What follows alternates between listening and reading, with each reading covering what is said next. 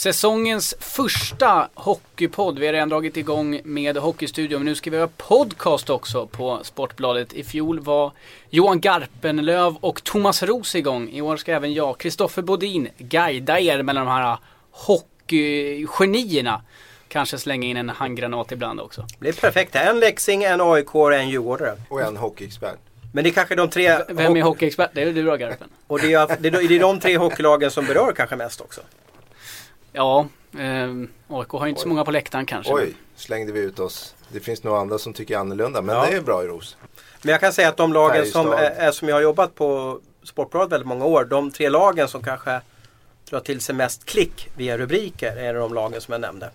Eh, Djurgården är stort intresse runt, AIK är stort intresse runt. Eh, de har ju en väldigt stor supportskara AIK och Leksand klickas alltid. Det finns en hatkärlek mot, mot Leksand som är intressant. Man gillar när det går dåligt för Leksand. Jag vet inte om det gör som med nu? de här ekonomiska struligheterna som har varit. Så, att säga. så Luleå Leksand, Leksand berör. Hur, Luleå, är det dött där uppe eller? Ja men det klickas bra. Ja. Luleå och Skellefteå klickas bra. Men inte i, i klass med de lagen som, som vi har nämnt så att säga. Men det var ju öppet mål med AIK förra säsongen i sådana fall, klickmässigt. Ja, de har lite, lite problem där med organisationen kan man säga då. Vet ju inte jag någonting om förstås. Kristoffer Bodin jobbade alltså på AIK eh, förra säsongen och värvades från AIK Play till eh, Sportbladet Play kan man säga. Precis, ja exakt. Och nu är Sportbladet Podcast istället. Men nu kör vi igång. Nu, ja, måste, nu kör vi igång. måste vi starta mot. Ja, ja. Men allvarligt talat Leif Boork, håller på med hockey i 600 år.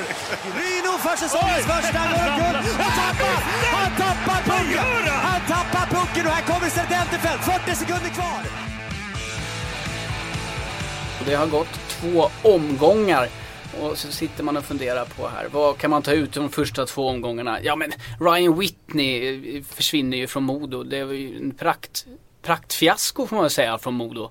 Jag vet att du sa att de ska bakläxa Ros men, men ehm, ja det var nästan lite snällt. Garpen, vad säger du? Ryan Whitney, två matcher. Det här måste de väl veta om? Ja, nu sitter vi här och kan ju inte hela historien, eller jag kan absolut inte hela historien. Vad, vad visste Modo om innan de tog in eh, Whitney? Eh, visste de om att han hade problem med sin fot eller inte? Och i sådana fall, om de visste det, varför gick man inte ut med och sa att det här kan vara en, en, eh, en chansvärvning? Eh, men ligger inte något annat bakom det här? Ja men man, blir, man, man börjar ju undra när det, när det tar bara två matcher. För han har ju inte åkt på någon direkt skada under de här två matcherna. Att, Vet du vad jag började tänka på direkt Garpen?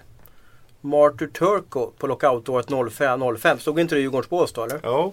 Och han var väl med någon match, sen drog han hem också. Lite samma sak så att säga. Nu var inte han skadad men varför var det han ville hem? Uh, ja, den tiden så han var ju, vart ju sjuk uh, och sen så var det under lockoutåret och jag tror att han längtade hem. Jag tror att han ville hem bara helt enkelt. Det var långt borta och han trivdes inte så bra som han uh, och det är vad, vad jag tror. Det är ingen sanning i det utan det är bara min, min känsla. Men, men kan det inte vara så? Vi sitter ju bara och spekulerar att också ja. att, han, att, att Whitney kom till Övik och det kanske inte var så roligt att vara i Sverige det kan vara en anledning och det är därför vi sitter här och spekulerar. Det, alltså vi vet ju inte riktigt och det, hur det än är så har ju Whitney fått lämna, vill lämna och, och, då kan vi ju se det som en misslyckad värvning. För jag tror Modo hade väldigt höga förväntningar på Whitney under den här, eh, det kommande året. Men om man eh, gör jämförelsen där då, det är förvisso en lockout-säsong och det var ju bara att välja och vraka med de här hockeystjärnorna. Men Djurgården plockar in José Theodor då som målvakt istället. Eh, Modo plockar de in en annan stjärna, eh, Foppa Näslund, Svartvadet. De har ju en hel del eh, känningar. Problemet är det här och det är det jag lider med Svartvadet och, och Forsberg och, och hela Modo. Det är att nu har ju liksom många backar redan fått ett jobb, alltså riktigt duktiga backar. Jag tänker på att Modo kanske hade varit intresserad av Anse Salmela han fanns ju på marknaden ungefär i samma tidpunkt som de plockade Whitney. De valde Whitney, nu har Salmela fått en ny arbetsgivare i Brynäs. Nu får ju eh, eh, Modo börja sondera terrängen från liksom ruta ett igen. Mm. Det är inte så lätt för just nu så finns det inga riktigt duktiga backar på marknaden. Men det kommer komma när NHL börjar eh, plocka bort folk eller skicka ner folk till farmen som kanske hellre vill till, till Europa. Men det är ju nästan en, en det är några veckor kvar innan den eh, ratningen börjar komma. Ja men de får ju loss cash nu i alla fall. Så nu sitter de om tre veckor, Om det går tre veckor och får, en, en back. Då är vi kvar, då är vi framme i omgång 10. Och därför var det så viktigt att de slog Karlskrona nu senast. Hade de torskat den matchen också. Då hade det varit nästan lite kris i klubben. Och sen får de in Noah Wells som kommer in här snart. Så att backsidan ser ändå helt okej okay ut tycker jag ändå. Även fast Whitney nu lämnar. Det, det är fördelen Whitney för dem. var ju inte så duktig de här två första matcherna. Nej. Ska vi klara Minus fyra. Minus fyra, Ja. såg seg ut på fötterna och vi förstår ju nu när han berättar att han har haft sådana här problem med fötterna varför han såg seg ut också. Ja, och då, då är det också bra och positivt för Modo för då får de loss pengarna för Whitney. Eh, Och ha någonting att köpa något annat för. Sen måste ju jag också, liksom, vi måste ju ha, tycka synd om Whitney.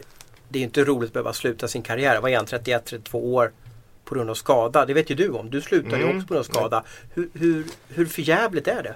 Nej men det är för jävligt när du inte kan sluta på, på, på egna villkor, när du vill sluta. Eh, man, man håller ju på med, med idrott bara för att man älskar det man håller på med. Det är det roligaste som finns och se plötsligt får man en skada som gör att man är tvungen att sluta.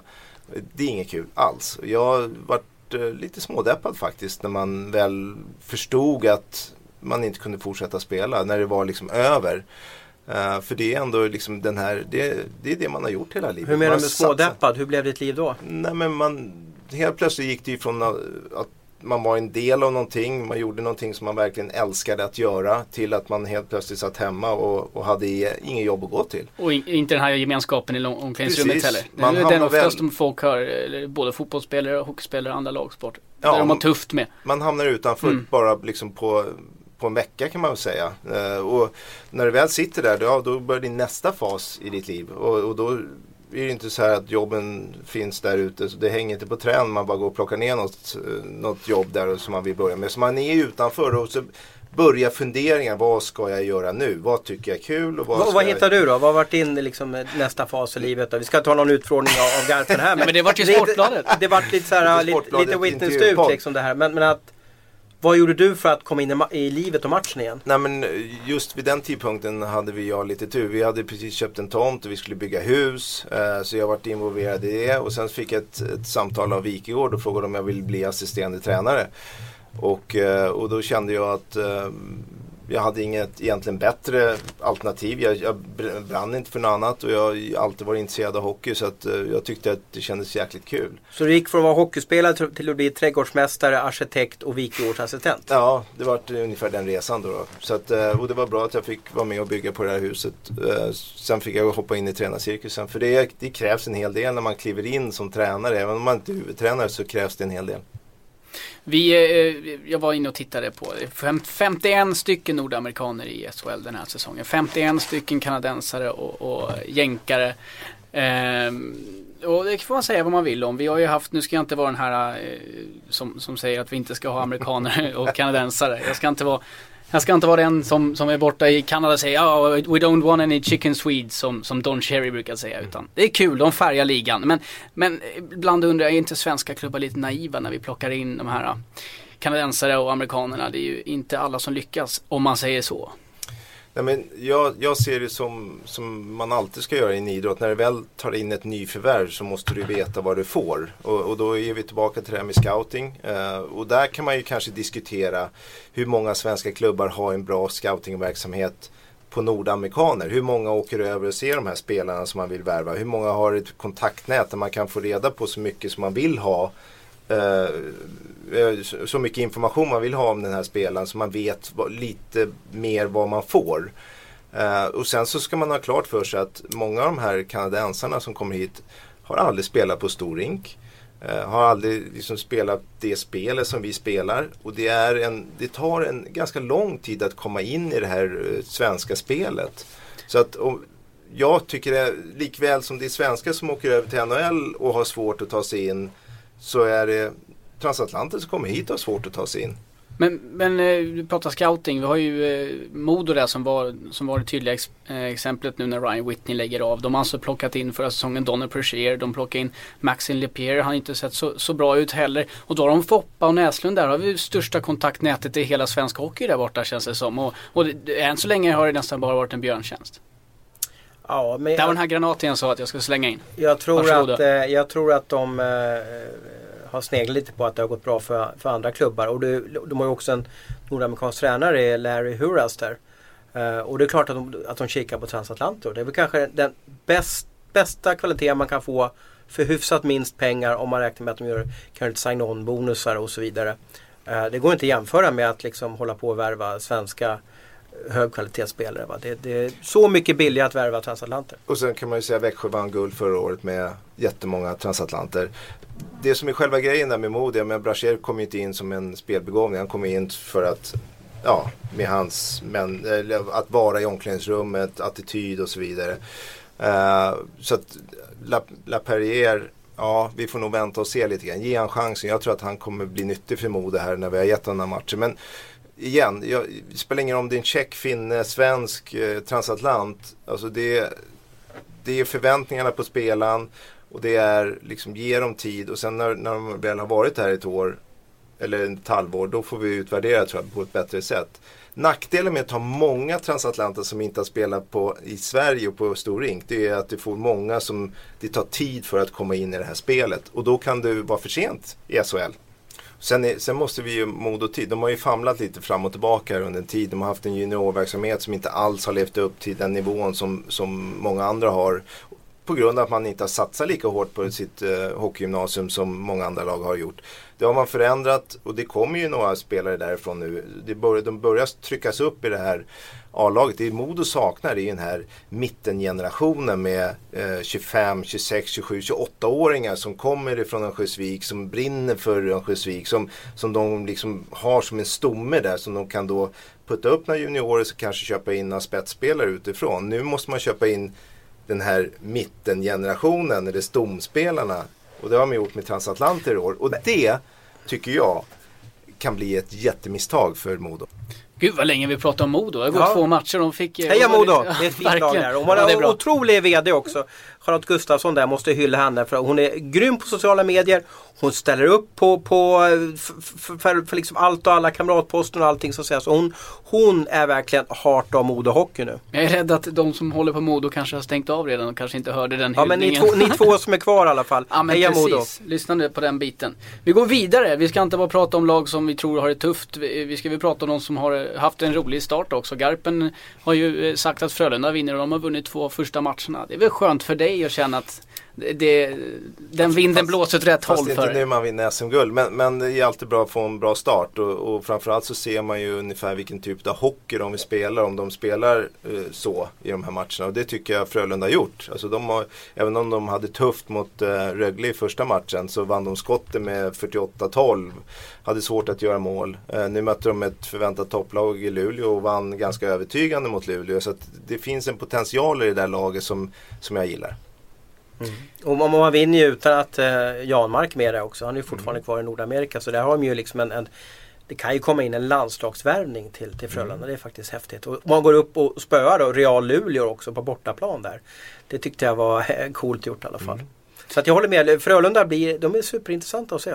Gud vad mycket man kan läsa in i två första omgångar i SHL. Ja. Det har gått dubbelt så många i Hockeyallsvenskan. Du säger Ska att vi Leksand, prata Leksand nu? Nej men ja, det måste vi väl göra. Ja, Tre raka förluster. Skulle vi inte? Jo men jag vet men det var inget roligt. Det är bättre att gå över till de som har det tufft istället och prata om det. Fyra omgångar kan man ju läsa lite grann mer ur än, än två trots allt. Tre raka förluster för, för Leksand som, som eh, börjar, börjar med att åka, eh, börjar med att vinna. Sen så åker de till Metallåtervinning Arena och förlorar mot Almtuna.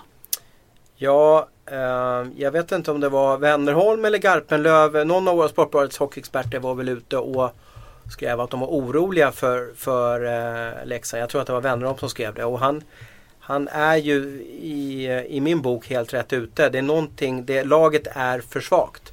De eh, har värvat spelare som egentligen inte har producerat poäng någonstans. Eh, Montpetit eh, och så vidare. Och det gör ju att liksom, vem är det som verkligen ska göra mål i Leksand? Så här såg det ut hela försäsongen också. Fem eller sex, eh, kanske upp mot sju försäsongsmatcher med ett målsnitt på 1,9 eller något sånt där. Och nu har de ju startat serien också på ett sätt där de, de har svårt att göra mål. Och det där är någonting, så nu, nu lånar de ju in eh, en kille från eh, Karlskrona, Karlskrona där, Kruseman då va? Gammal Stockholm, gammal, precis, precis. Och det gör ju, då är det lite panik när man efter redan eh, fyra omgångar värvar en, en, spelare som inte riktigt platsar i Karlskrona. Då, då hör ni, det är panik där uppe. Så jag, jag, jag, jag, jag hatar att säga det men jag, jag är riktigt orolig för Leksand. Åker de ur som SSK då? Jag vet inte, jag tror inte det kan falla. Jag, jag tror att Södertälje var ju liksom ett unikum. Och då ska man tänka på att när Södertälje var i kvalserien så var, så var det sex lag. Fyra höll sig kvar Ska eller, eller gick upp då. Så det var bara två lag som åkte ur då eller, eller höll sig kvar i division 1 hur man ska se det. Så att eh, jag vet inte om Leksand kan falla så djupt och jag, jag tror att eh, eh, de har gett den här gruppen chansen. Så sa ju de ganska länge, vi ska inte värva någonting. De var helt fast bestämda vid, vi ska inte värva någonting. Men att de då drar den här livlinan redan efter fyra, fem omgångar här. Och bara eh, trycker, in, trycker in en liksom, eh, en, en, vad man kallar det för?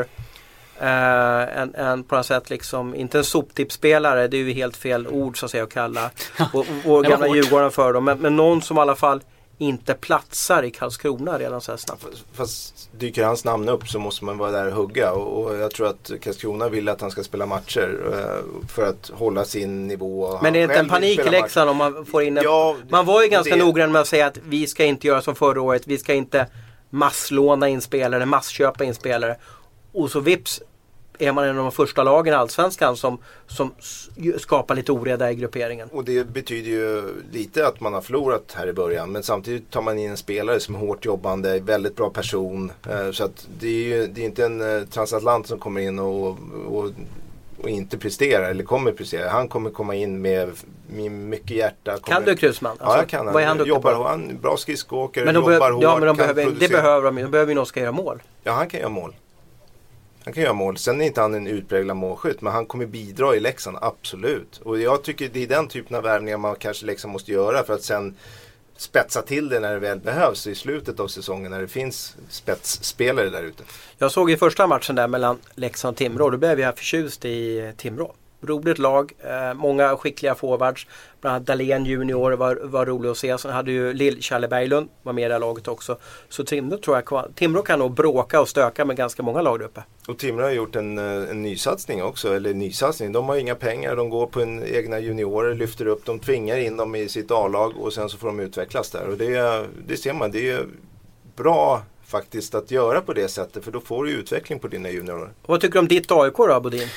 Jag har ju haft lite otur att jag har jobbat en del av matcherna här på, det är kul att jobba med SHL förstås. Men har du skaffat affisch nu så du har Malte Strömvall ovanför, Ja. eh, för, på, ovanför jag, sängen? jag har hela, jag tapetserat hela väggarna med Malte i min, min lilla lägenhet. Men vilken succé han har blivit alltså. Verkligen Ja. fem mål första fyra matcherna och nu undrar man ju varför inte han fick chansen mer än någon av de fyra SHL-lag han spelade i förra Ja, och sen spelade han ju faktiskt för ett allsvenskt lag förra året också, Asplöven. Mm, så han, han var, är- han var i fem olika Något klubbar förra säsongen. rekorden måste det vara eller? Jag vet inte. Ja, men det är otrolig resa men jag tror AIK blir helt rätt för honom.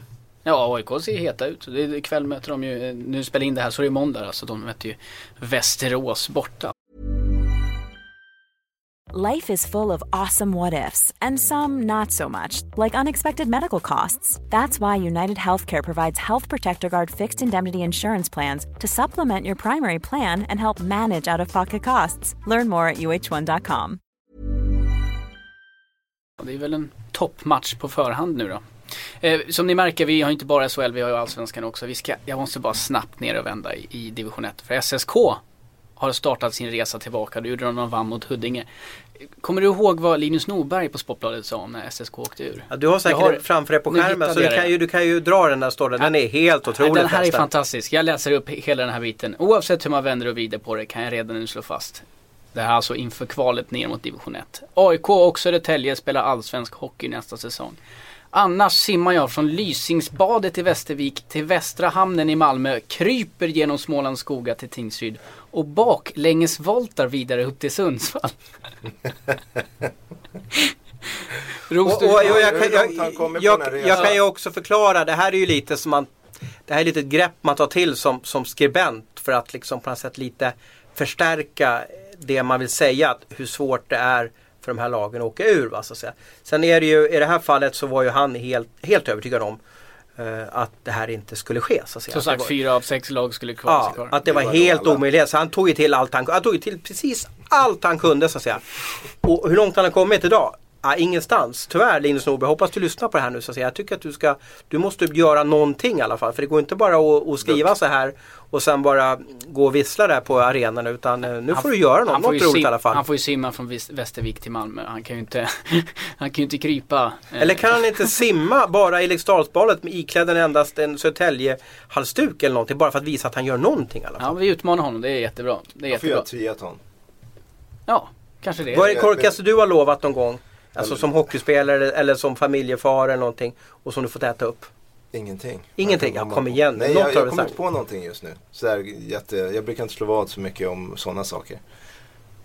Pengar är väl det jag kan komma på. Jag Ja, förlorar något pengar. Det är väl det. Du då? Rose? Du Ja, jag förstod att jag skulle få motfrågan där och så vart det så här, Tjong gick igenom hela mitt dataregister. Vad är det dummaste jag lovat för något så att säga? Eh, Ja du, eh, jag, jag, jag slog ju vad med en kille i Leksand, Dalastark, att att eh, vi ska se att HV inte skulle ta sig till, eller någonting var det med HV71 i alla fall. Och det torskade jag så då fick jag bjuda honom på middag. Och det har jag redan gjort och, och sådär. Så att, eh, jag vet inte om det, jag behöver inte slå några frivolter i, i något vatten i alla fall. Och sådär, då.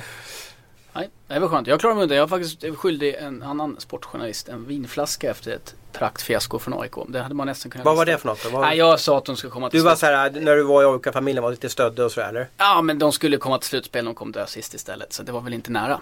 Så kan vi konstatera i alla fall. Så går vi vidare därifrån. Mm. Men jag, han har inte fått vinflaskan ännu. Så att, Men det är också korkat att lova grejer sådär. Så där gillar jag inte när Absolut. man håller på. Och vad är det för journalist då? Nu får vi ju liksom, du får ju... Vem är det som, vem är det som ska ha en vinflaska här? Det är eh, Henrik Sjöberg. han Jaha, du är så tajt med Expressen alltså. Mm, precis. Mm. Så att Ja, nu det hoppar var vi vidare inte, snabbt. Exakt, det var därför jag inte ville nämna det. det du förstår varför inte han har fått vinflaskan i alla fall. Mm. Ja men det är helt rätt. Ja.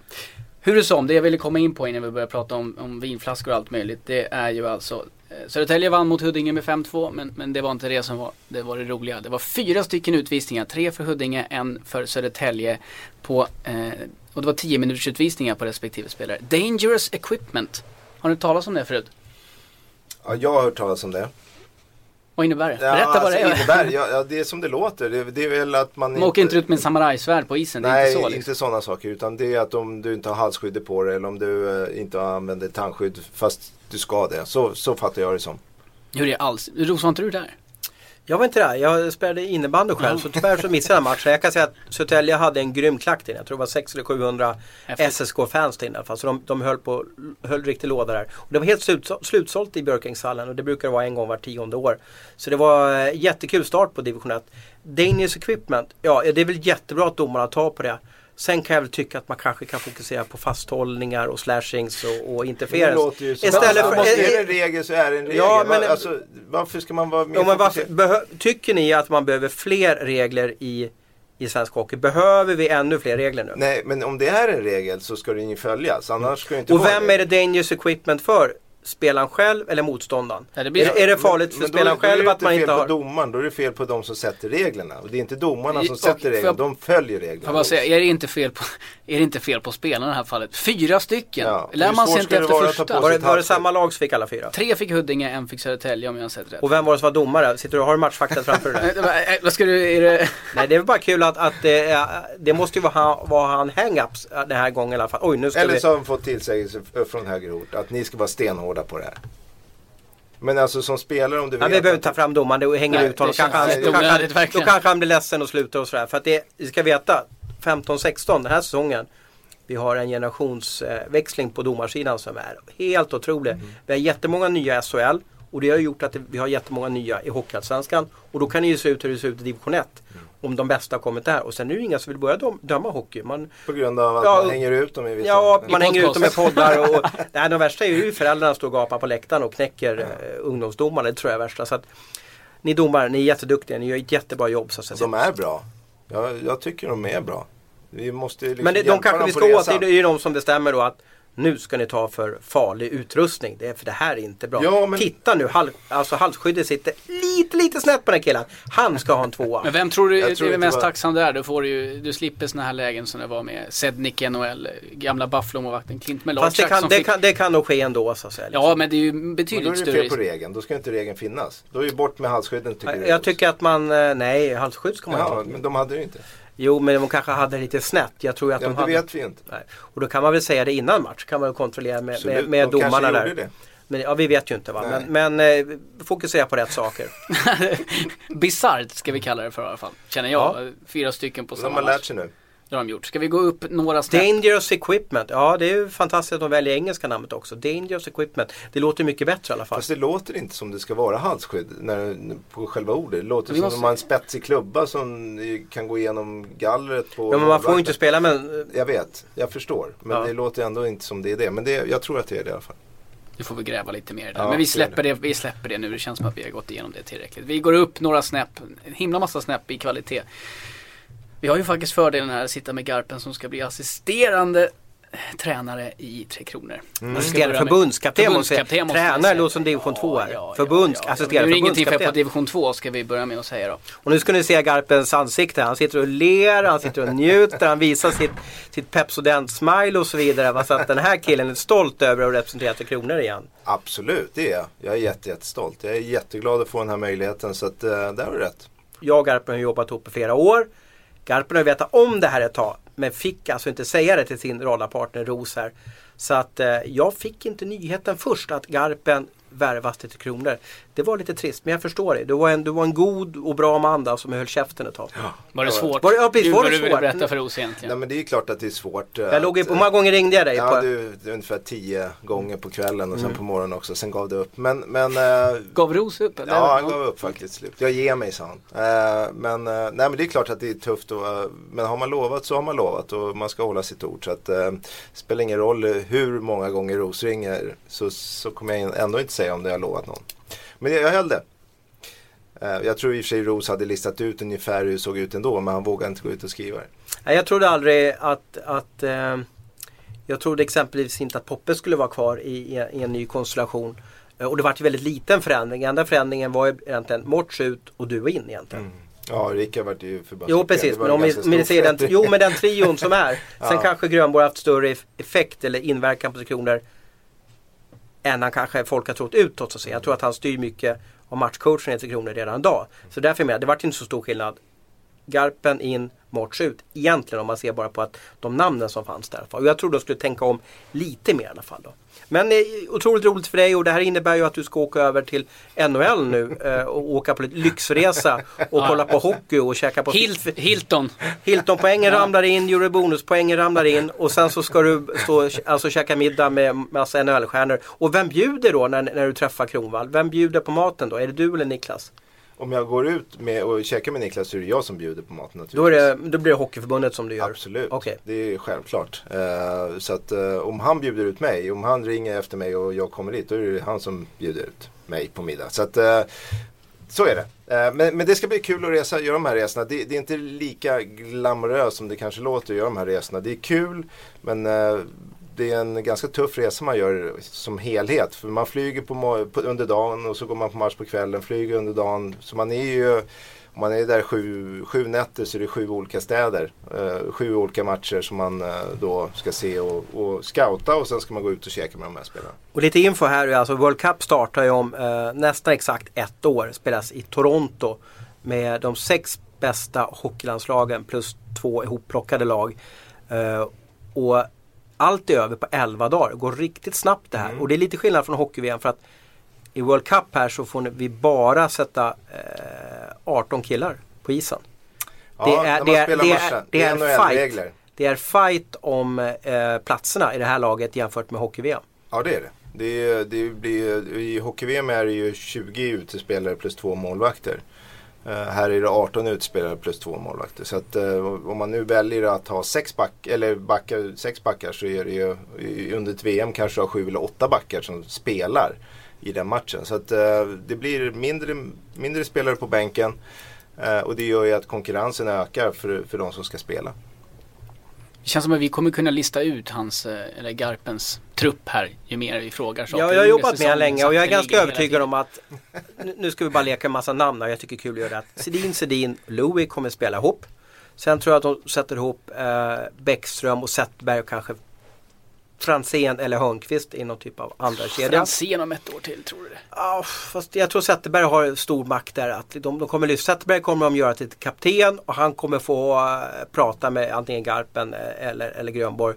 Och så kommer de komma överens hur trivsel och allting funkar. Och jag tror Zetterberg och Franzén är ganska tajta och så vidare. Sen blir Kryger en eh, given i en fjärde kedja Kanske med Landeskog, kanske med några andra spelare och så vidare. Eh, sen är det ju den här tredje kedjan som är intressant att se för det finns ju många duktiga hockeyspelare kvar. Och på uppgång. Det finns de som känns som är på nedgång Ja, och på då har ju och- eh, Fredrik Fors, eller Filip Forsberg i, eh, i Nashville som var riktigt bra. Så han måste ju med på något sätt då. Men forwardsidan tror jag inte är det svåra. Där kan det, Backarna. det är ju backarna. Där får alltså sex backar. Och vi kan ju rabbla sjukt bra svenska hockeybackar i en halvtimme här. Och hur bra är, är killar som Jonas Brodin och Hampus Lindholm och ytterligare ett år i NHL? Ja. kanske är- Och sen är- lägger du till Oliver Ekman Larsson. Viktor E- Hedman. Erik Karlsson, Viktor Hedman och sen har du Kronwall. Eh, du har jättemånga där. Så där kom... Där, Hjalmarsson, Odoja, Ja. Strålman. ja, Garpen ja. tar ju bara ut djurgårdare. Ja men där menar jag att de där, där blir det tufft. Där tving- tvingas Garpen eller Grönborg ha en del tuffa samtal och säga hur du så här ligger till. Du får Men inte, plats. inte Poppe som bestämmer över backarna. Jag vet inte, det vet ju du. Det ska du inte fråga mig om. Vem är det som bestämmer backarna? Eh, det är, förmodligen så kommer det bli Poppe. Nej men det är Poppe är ju back och spelar back. Eh, han är inte back, han är, har spelat back. Eh, så att eh, han kommer ha ett ansvar på backsidan. Och jag kommer ha på forwardsidan. Sen är det ju Grönborg som bestämmer. Vi bestämmer ju, vi kan ju tycka och tänka men det är ju Grönborg som har sista ordet. Ehm, ja. Kan du inte hjälpa oss med någonting? Kan du inte säga två spelare som är klara på World Nej Cup-laget? men man kan väl titta, om, alltså jag gick igenom alla spelare som vi har i NHL om vi nu tittar bara på de spelarna. För det finns i KHL och Schweiz och Sverige också. Men, Men det blir bara- ett rent NHL-lag, blir det så eller? Det vet vi ju inte än för vi har inte tagit ut lager. Men, men om vi tittar hur många spelare vi har i, i eh, Nordamerika så är det 110 spelare tror jag. Oj, nu. oj, oj, oj. Alltså, med AHL och NHL eh, Eh, som spelar där borta. Så att det finns ju en hel del spelare. Och om man tittar på, om man nu leker lite grann och tittar på vad vi har för eh, ja, på backsidan, centersidan, forwardsidan, målvaktssidan. Eh, så är backsidan väldigt tuff. Det finns många riktigt, riktigt bra spelare på backsidan. Och där kommer det bli tufft att ta ut sex backar. Eller man tar väl ut sju backar eller åtta backar totalt sett. Men, men det kommer bli tufft att ta ut. Det är några riktigt, riktigt bra spelare som förmodligen inte kommer att vara med. Om det inte är massor med skador och så vidare. Eh, sen eh, målvaktssidan har vi en given förstemålvakt. Eh, Det behöver man ju inte bara Magnus. Hellberg. Ja precis, vi har ju Henrik Lundqvist som är eh, riktigt, riktigt grym. Eh, centersidan ser ju bra ut. Eh, inte superdjup. Vi har inte supermånga centrar där. Vi har många unga som vi inte riktigt vet var de tar vägen med. Li- Elias Lindholm, eh, Mika, eh, Zimbaniad. Eh, vi har eh, Backlund, vart han var lite skadebenägen, gjorde en bra säsong slutet förra året. Vart tar han vägen? Du har Berglund, du har, det finns ett, ett gäng där som, som står och verkligen väntar på att uh, utvecklas och bli riktigt, riktigt och ta nästa steg i NHL. Eh, Forwardsidan tycker jag ser, ser Jag tycker vi saknar, Riktigt bra. må, vi saknar målskytt. Ja, vi har ingen riktig Stamkos eh, som gör 50 mål. Det har vi ju inte. Men det är, det är många lag som saknar Stamkos. Det är inte så många som är som Stamkos. Eh, det är Ovechkin och han som, som producerar. Men det ser bra ut. Jag tycker Men och kan du inte hålla med om att, är du nöjd med, med att, behöver vi inte svenska målskyttar? Är inte våra akilleshäl? Fast det har vi tjatat om sedan eh, 60-70-talet att vi har, vi, har- vi har inte så många riktigt, riktigt bra. Vi har aldrig haft en svensk, vi har haft en svensk som har gjort över 50 mål. Håkan Loob ja. Håkan Loob. Sen har det varit några närheter men det är, alltså det är tufft att, att vara målskytt och producera. Så att, eh, och det är väl egentligen det som är svensk eh, ja, ja, som jag sa, sen 60-70-talet har vi jämt tjatat om målskyttar. Svenska mål. Vem gör mål? Vem ska göra mål? Vi har ingen riktig målskytt och så vidare. Fast tidigare hade vi ändå liksom Näslund, vi hade Alfredsson och Sundin så att säga. Det var ju hyfsade målgörare. Peter Forsberg Forsberg ju nu. Du har Hörnqvist gjorde massor med mål. Du har eh, Då spelar ju spelar jag fått- ändå Hörnqvist powerplay med, Hen- med Sidney Crosby. Ja, men han har gjort mål. eh, Inte, inte 50 mål, men han producerar. Så att 20, 25, 30 mål där. Och du har ju Sedin, ju Henrik, eller Daniel Sedin i målskytten. Eh, du har uh, Franzén när han var skadefri gjorde massor med Ser du mål. skillnad på har Sedin och förresten? Nyqvist. Den är intressant faktiskt. Ser du skillnad på Sedinarna? Bara lite, jag måste bara en liten passus. Ja, jag tror det i alla fall. Tror du det? Hur, ja. Vad har du för tips? Nej, men det, det, För du ska ju stå bredvid dem och det är jätteviktigt att de gillar dig nu här. Då kan du inte säga hej Henrik och så är det Daniel. Vad har du för, vad har du för grej som du... Vad vad jag för grej? Jag känner igen dem. Du känner igen dem? Ja. Du ser ansiktet på dem? Ja. alltså? Okej. Men har du, något, har du något tips till våra, de som Sen lyssnar på det här? nummer på ryggen också. Ja men jag tänkte, du ja, men jag tänkte korridoren efteråt. Vad gör du? Vad tittar du på för att, för att känna igen vem som är Ja, vem? men det, det man ser i ansiktet. Det är när man- ansiktet. ja. Ja, vi får lära bra, bra tips i alla fall. Jag tycker det är jättesvårt i alla fall. Jag är, Synd att det inte var TV, jag hade så sugen är, på att visa. jag är jätteglad att, eh, att de har rum, alltså, eh, numren på ryggen där eller på sidan eller på deras träningströja att man ser någonting. För jag, jag, jag känner inte igen vem som är vem. Lite annorlunda skägg ibland och sådär också, Mm. det kan hjälpa lite. Eh, det här kommer fortsätta nästan varje vecka att vi grillar Garpen. Och så till slut Det är bra, vi- bra rubrik, grillar Garpen. Grilla Garpen. Avsnitt 1 Grilla Garpen. Avsnitt 2 Grilla Garpen. Så kommer Mm. fortsätta så. Ros, jag vet att du var ute på Twitter lite grann och frågade om du har Ja, några frågor. precis. Vi, Ska vi- vi, ska vi ska nämligen lite vad börja av, runda av här. Tänkte efter under varje Läsarmedverkan är ju avsnitt kan vi jätteintressant där. Eller hur? Uh, ska vi se här. Jo, vi har blodskelett här. Kapten Blodskelett. Jag vet inte vem, vem han är egentligen. Han har något, något, något kaptens eh, eh, logga här på sitt Twitterkonto. Han undrar att SHL uppenbarligen inte vill ha bort huvudtacklingar. Det bröt sin egen praxis då ingen skada uppstod. Och han tänker på Daniel Brodin som tacklade en Skellefteå-back här i lördags. Och Brodin fick 2 plus 10 fast det inte varit någon anmälan till eh, disciplinnämnden. Och vad tycker du om det här då? Ja, Det jag- de har sagt i år SHL är att de ska ju bli ännu tuffare mot Ja. Att, att tacklar man huvudet så ska det vara avstängning och tuffare avstängning. Det är ju för att det som hände mellan Johan Forsberg och Fernholm. När det inte blev så många avstängningsmatcher för, för Forsberg. Det tyckte man att oj det här är inte bra. Det vi vet är att alla de här situationerna går ju upp till situationsrummet. För där sitter en person som, som ska kolla på de här händelserna. Alla de här tacklingarna går dit. Och, och de, deras bedömning har ju varit att det här inte ska vara avstängning. Och vad det beror på det är förmodligen för att de anser att det inte har tagit tacklingen har tagit i huvudet. För har det gjort det i den situationen så borde det ha blivit en, eh, en avstängning. För, för eh, det är ju det de ska bedöma, eller döma efter. Men, att, men vad tycker du om den här nej, tacklingen? men jag- och det jag har sett, nu har inte jag sett den här i slow motion från fyra olika vinklar. Men det jag har sett så är en tackling i ryggen och det, det fick han ju utvisning för. Det var 10 minuter plus två. Du tycker tacklingen tar i ryggen alltså? Ja, jag tycker den tar i ryggen. Ja, precis. Sen faller han ju in i sargen så att, och det är ju farligt spel. Men han träffar ju inte huvudet med tacklingen av det jag ser. Ja, intressant. Ehm, jag orkar inte ha någon åsikt om det. Jag orkar. Men det är väl skönt Ros att någon Ja, annan ibland får ta kan, den ibland pucken. kan man ju, ibland kan man ibland kan man ju ducka alla. Ja, Sen har jag frågan här från eh, Mattias. Han har Twitter alias albiceps någonting sånt där. Eh, ni måste prata om att pucken ska släppas vid tekningen om fem sekunder. Och det håller vi alla med. Det är ju jättebra. Det här kommer ju lagen lära sig direkt. Vi såg en incident här i eh, Djurgårdens match mot, mot Linköping i premiäromgången. När Djurgården inte var där. Mentalt och fysiskt. Och eh, domaren släppte matchen, eller släppte pucken. Och det är ju helt okej. Klart man ska speeda upp matcherna. Vi, vi, vi som är publik, i alla fall när jag är publik och inte jobbande media. Vi går ju dit och betalar. Vi betalar ju inte för att tränaren ska ha mini-timeouts vid bås utan vi betalar för att se hockey. Så det här är väl skitbra. Eller är det någon annan som tycker annorlunda- Och det här vet ju spelarna om eh, och lagen om. För det här har domarna förmedlat ut till alla lag. Så att det är inget, det är inget nytt för spelarna och lagen. Så att, eh, sen kan man alltid diskutera. Nu är man tillbaka till det här igen. Hur viktigt hur är det att man speedar upp matchen med totalt eh, när man lägger ihop alla de här med kanske en minut eller en och en halv minut eller vad det är. Eh, För tekningssituation är ju en stor del av matcherna kan jag tycka. Det är viktiga situationer. Och en domare som bara släpper ner pucken för att den andra står, centern står och kollar sitt eget lag att de står på rätt plats. Kan, kan bli förödande i matchen. Eh, Men de anser att det här är viktigt och då, då får lagen anpassa sig efter Du är det. ute Jag efter fingertoppskänslan ja, jag, lite grann. Jag kan tycka att det, är, det kommer bli massor med situationer där, där man får onödiga irritationsmoment. För att eh, man ska tjäna en eller en och en halv minut på en match. Och jag kommer att tänka på saker. Jag gjorde det faktiskt precis nu så att säga. Det var ingenting som jag hade liksom förberett eller någonting. Det är ju att det är lite knepigt för att det är ju Hockeyförbundet och SHL som bestämmer reglerna. De som äger regelboken, de som sätter den och de som också berättar de här tolkningarna ska vi göra och det här här ska vi skruva åt skruvarna och det har de gjort med teckningar nu. Men det är konstigt också att SHL har ju då valt att gå upp från 15 minuter till 18 minuter i periodpauserna. Eh, och att man har bestämt att införa power breaks. För att det här, det är ju 6 minuter extra paus under match. Och det är alltså power breaksen gör att, att matcherna blir mycket längre också. Det är en power break i varje period. Så att egentligen, vill man ha snabbare matcher och mer spel. Då ska man ju titta på sådana saker egentligen. Precis.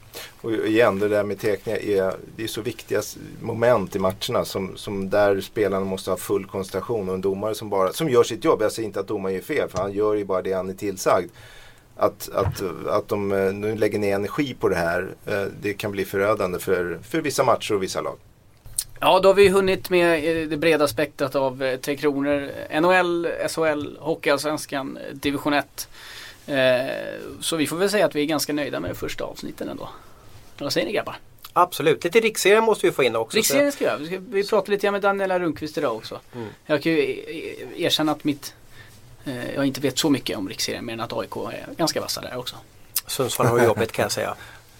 Vilka är favoriter? Är det Djurgården eller är det Luleå? Eller vem Luleå är säger de. Linköping? Ja, Luleå Luleå ja. är De har ju. Minecraft-pengarna där också. Ja, eh, Linköping är alltid bra med hon Denise Altman. Och regerande mästare var Linköping. Precis, så har tappat Asserholt till HV71 och HV71 har fått en usel start här då. Sen är väl Leksand lite intressant lag då. Men om de säger att eh, Luleå är bra och, och men en SM-final med AIK-Djurgården i damhockey, det vore väl roligt. Det vore grymt. Bra slutord. Då så, då säger vi så, så ses vi en gång till givetvis nästa vecka. Men allvarligt talat Leif Boork, du håller på med hockey i 600 år. För säsongens första guld! Han tappar! Han tappar pucken! Han tappar pucken och här kommer Serdenterfelt! 40 sekunder kvar!